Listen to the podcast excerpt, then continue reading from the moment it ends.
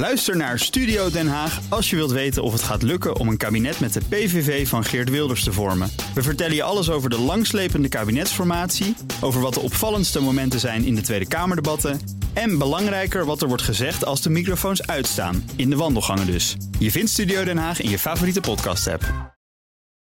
Auto-update. En dan is het uh, zeven minuten voor negen. Maandagmorgen altijd tijd voor Nout Broekhoff.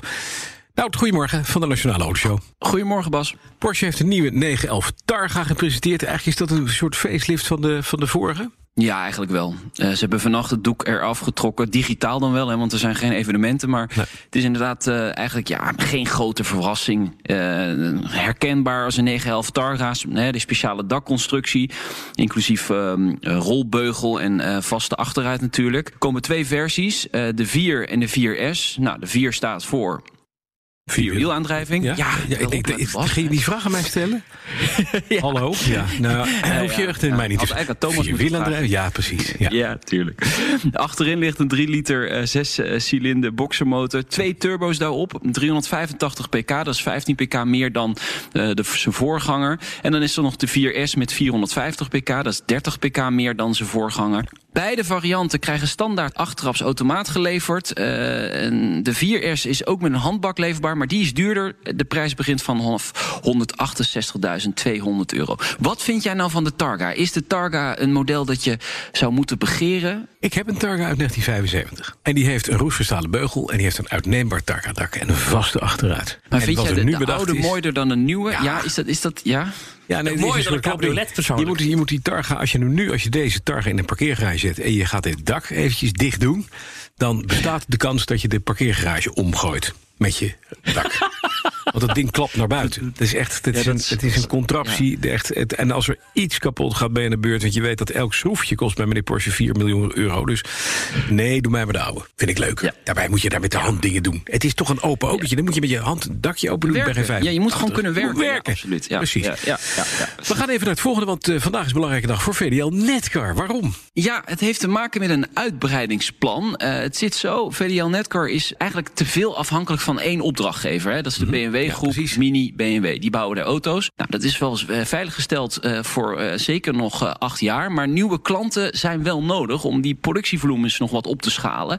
dus uitbreiding is noodzakelijk. er lopen gesprekken met drie partijen, schrijft de Limburger. Waarvan één heel concreet is, al dus de directeur van Netcar.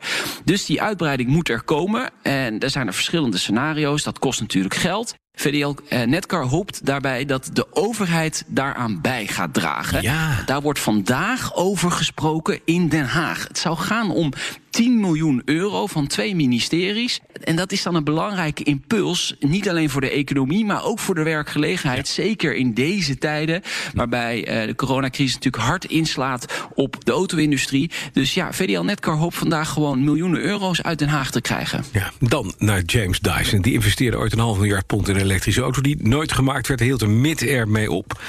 En, en nu een auto waarmee je kunt stofzuigen? Ja. Of is het ook een nee, nee, nee, nee. Het, het is gewoon echt wel een bijzonder verhaal natuurlijk. En de Sunday ja. Times heeft eindelijk eens in een groot interview met hem daarover gesproken, James Dyson. Want wat is er nou gebeurd? Hè? Kijk, hij is natuurlijk bekend voor die zakloze stofzuigers. Ja. Hij is een van de rijkste mensen op aarde. Dus die half miljard pond die hij daarin heeft gestoken, dat is gewoon ja, zakgeld kun je bijna ja, zeggen. ja, Jammer, het is mislukt. Maar hij wilde het zo graag. En hij is teleurgesteld dat het niet gelukt is. Prachtig interview in Sunday Times. Project start in 2017. Moest een SUV worden. Je ziet ook een prototype van de auto op de achtergrond.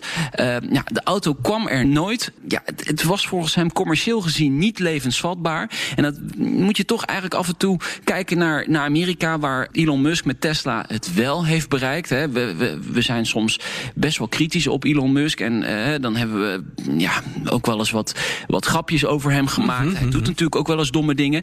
Maar ja, James Dyson, de rijkste man op aarde bijna, die kon het niet. Elon Musk doet het wel. Dus uiteindelijk, ja, dit is gewoon ondernemerschap. En James Dyson ja, baalt gewoon ervan dat het toch niet gelukt is. En dat vind ik toch mooi. Een man die zoveel geld heeft, die baalt er gewoon van dat het niet gelukt, niet gelukt is. Ja, maar die zat ook in zakloze stofzuigers en Elon Musk zat in raketten. Dat is wel weer een ander ding.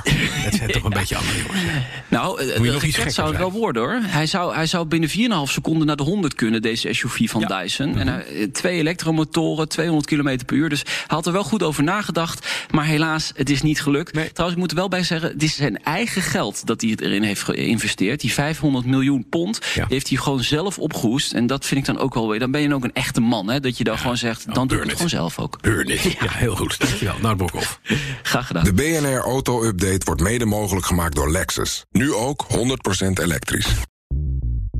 Bij BNR ben je altijd als eerste op de hoogte van het laatste nieuws. Luister dagelijks live via internet. Bas van Werven. En heel langzaam komt de zon op rond dit tijdstip. Je krijgt inzicht in de dag die komt op BNR, het Binnenhof in Nederland en de rest van de wereld. De Ochtendspits. Voor de beste start van je werkdag. Blijf scherp en mis niets.